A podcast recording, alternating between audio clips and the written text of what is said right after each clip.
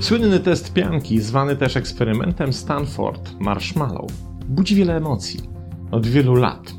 Był cytowany już tak wiele razy i w tak wielu mediach, że trudno dzisiaj zliczyć wszystkich autorów, którzy się na ten właśnie test powoływali.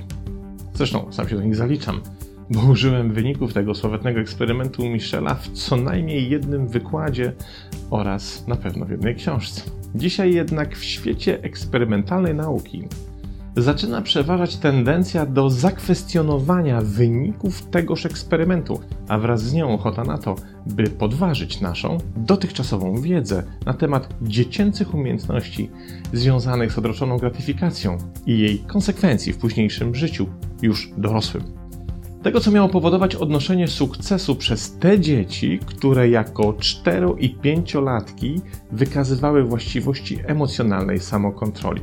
Ale najpierw przyjrzyjmy się samemu sławetnemu eksperymentowi.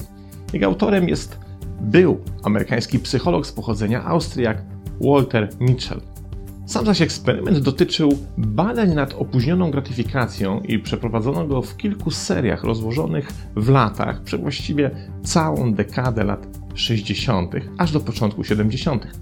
Pierwsze z cyklu badań przeprowadzono w przedszkolu, znajdującym się w budynku Uniwersytetu Stanforda i wzięło w nim udział 600 dzieci w wieku od 4 do 6 lat. Zadanie było proste. Sadzano dziecko w pokoju pozbawionym jakichkolwiek dystraktorów z weneckim lustrem, przez które naukowcy mogli obserwować zachowanie dziecka. Po czym moderator eksperymentu stawiał na stole przed siedzącym dzieckiem jakiś smakołyk.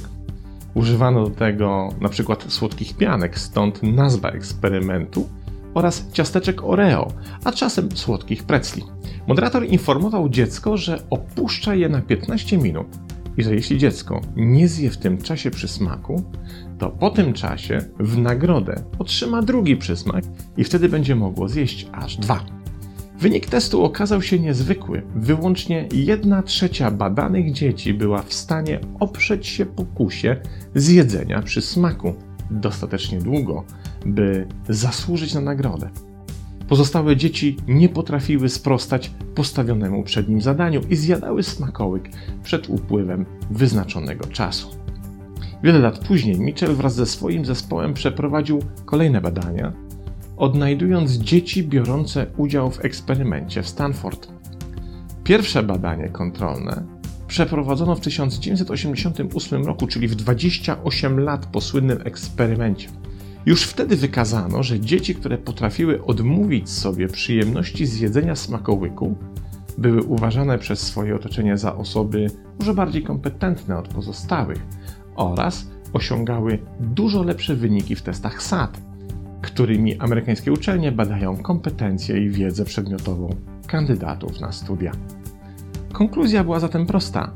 Im dłużej dane dziecko było w stanie odroczyć nagrodę, im więcej minut wytrzymało przed zjedzeniem pianki czy ciasteczka, tym większe prawdopodobieństwo życiowego sukcesu, lepszych wyników na studiach, lepszej pracy itd. Tak Jednak od 2012 roku przeprowadzono kilka weryfikujących eksperymentów i okazało się, że zależność pomiędzy życiowym sukcesem a przejściem testu pianki w wieku 4 czy 5 lat nie jest już taka oczywista. A na dodatek badacze wykryli, że decyzja podejmowana przez dziecko dotycząca powstrzymania się lub nie przed zjedzeniem przysmaku jest warunkowana dużo większą ilością zmiennych niż utrzymywał Mitchell. Zacznijmy od tej pierwszej weryfikacji. W badaniu przeprowadzonym przez Tylera Wattsa w marcu 2018 roku z Nowojorskiego Uniwersytetu na dzieciach biorących udział w jednym z kolejnych eksperymentów z podznaku Marshmallow Test, przeprowadzonym przez Pika w roku 1990 okazało się, że życiowy sukces, mierzony na przykład średnią na studiach, odniosły nie tylko te dzieci, które powstrzymały się przed zjedzeniem ciastka, ale również spora gromadka tych, które ciastko wciągnęły bez zastanowienia. Co więcej, te zaś z dzieci, które posiadały umiejętność panowania nad odroczoną gratyfikacją, osiągnęły wprawdzie lepsze wyniki w późniejszym życiu, jednak różnica nie była już tak spektakularna, jak twierdził swego czasu Mitchell. Watts odkrył, że jedną ze zmiennych mających wpływ na późniejsze wyniki dzieci były czynniki środowiskowe. Uwaga, takie jak na przykład poziom wykształcenia ich matek. I tu ciekawostka. Niektóre dzieci nie dlatego nie czekały na powrót moderatora, by zjeść ciastko i zdobyć kolejne, ale dlatego, że ich warunki środowiskowe nauczyły je, że jeśli pojawia się okazja do wykorzystania, to nie ma co czekać, bo kolejna po prostu może się nie pojawić. Zatem powód sięgnięcia po ciastko nie leżał w przypadku tych dzieci w nieradzeniu sobie z takimi emocjami jak pokusa, ale w socjalizacji, w której nauczyły się już jako czterolatki korzystać z okazji, jeśli tylko taka się nadarza. To zaś nie ma nic wspólnego z brakiem umiejętności samokontroli, ale wręcz przeciwnie, świadczy o przyszłej życiowej zaradności i pragmatyzmie. Wielu komentatorów tego przełomowego odkrycia, dokonanego przez Wattsa, dostrzega w tym inną korelację. Otóż dzieci z rodzin mniej wykształconych, wychowujące się w dużo bardziej skromnych warunkach, a często w biedzie, wykształciły w sobie mechanizm obronny polegający na tendencji do wyznaczania sobie celów krótkoterminowych, ponieważ ich rzeczywistość dnia codziennego przyzwyczaiła je do niepewności i szybkich zmian. To z kolei sprawia, że te dzieci w późniejszym życiu wcale nie będą radziły sobie gorzej od tych, które powstrzymały się przed zjedzeniem ciastka, a często znacznie lepiej, bo wykształciły w sobie odporność i zaradność na szybko zmieniające się warunki rynkowe. Ale to nie koniec krytycznej weryfikacji eksperymentu Michela. Łyżkę dziegciu do beczki miodu dołożyła jeszcze dr Celesta Kidd, psycholog z Uniwersytetu Kalifornia. Wprawdzie w jej badaniach przeprowadzonych w 2013 roku wzięło udział zaledwie 26 dzieci, to wynik tych badań rzuca zupełnie inne światło na wyniki poprzedniego eksperymentu. Cóż wymyśliła amerykańska psycholog? Otóż zanim przeprowadziła standardowy test pianki, dzieci zajęto pracą twórczą.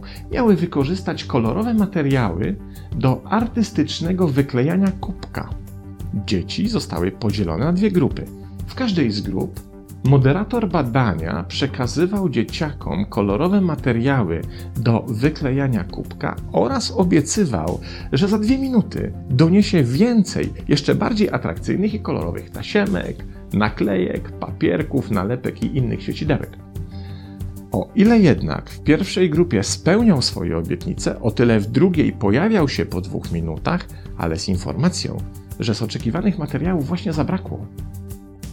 Później dopiero przystąpiono do tekstu pianki. I co się okazało? W grupie, w której moderator nie zdobył zaufania dzieci wcześniej podczas ich pracy w dekorowaniu kubka, dzieciaki zjadały ciastko od razu. Zaś w grupie, której zaufanie wcześniej zdobył, pojawił się procent dzieci z umiejętnością odroczonej gratyfikacji, dokładnie jak w eksperymencie Michela z lat 60. O czym to świadczy? Otóż już czterolatki potrafią uznać, że danej osobie nie ma co ufać, a jeśli tak, to nie ma sensu wierzyć jej, kiedy obiecuje, że przyniesie kolejne ciastko, jeśli powstrzymamy się przed zjedzeniem pierwszego. A to oznacza, że wybór dzieci nie był dyktowany wyłącznie umiejętnością walki z pokusą, ale też tym, na ile ufały moderatorowi obiecującemu nagrodę. Po opublikowaniu wyników badań Celesty Kidd rozgorzała potężna dyskusja, ponieważ skoro okazało się, że taki czynnik jak zaufanie może obalić słynny eksperyment Michela, to tych czynników może być jeszcze sporo, a nie znamy ich wyłącznie dlatego, że ich po prostu jeszcze nie zbadaliśmy. Jaki zatem wniosek możemy wyciągnąć z badań weryfikujących ustalenia Michela? Czy na pewno powinniśmy przekreślić związek pomiędzy umiejętnością zarządzania emocjami a naszym życiowym sukcesem? Otóż nic bardziej mylnego, związek ten wciąż nie został podważony.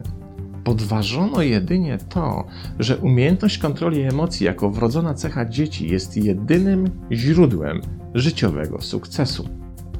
Na pewno jest ważna, na pewno efektywna i na pewno niezwykle przydatna, jednak na nasz życiowy sukces ma nie tylko wpływ samokontrola, ale też cała masa innych czynników, w tym nasza umiejętność oceny zaufania czy szybko zmieniających się warunków, czyli cały wachlarz umiejętności związanych również z inteligencją kognitywną. Wśród nich umiejętność zarządzania emocjami na pewno wiedzie prym, ale czego właśnie dowiedzieliśmy się z cytowanych wyników badań, nie jest jedyna. Ta konkluzja zaś otwiera pole do kolejnych eksperymentów badań i wyciągania wniosków dotyczących naszej egzystencjalnej kondycji w ciągle zmieniających się warunkach galopującego wokół nas świata. Ale to co najważniejsze, dysponujemy pełnym aparatem poznawczym oraz zasobami związanymi z szeregiem naszych inteligencji, by sobie z tym światem na wielu różnych poziomach poradzić. A jeśli nie dysponujemy, to z pewnością możemy się ich wszystkich skutecznie nauczyć. Pozdrawiam!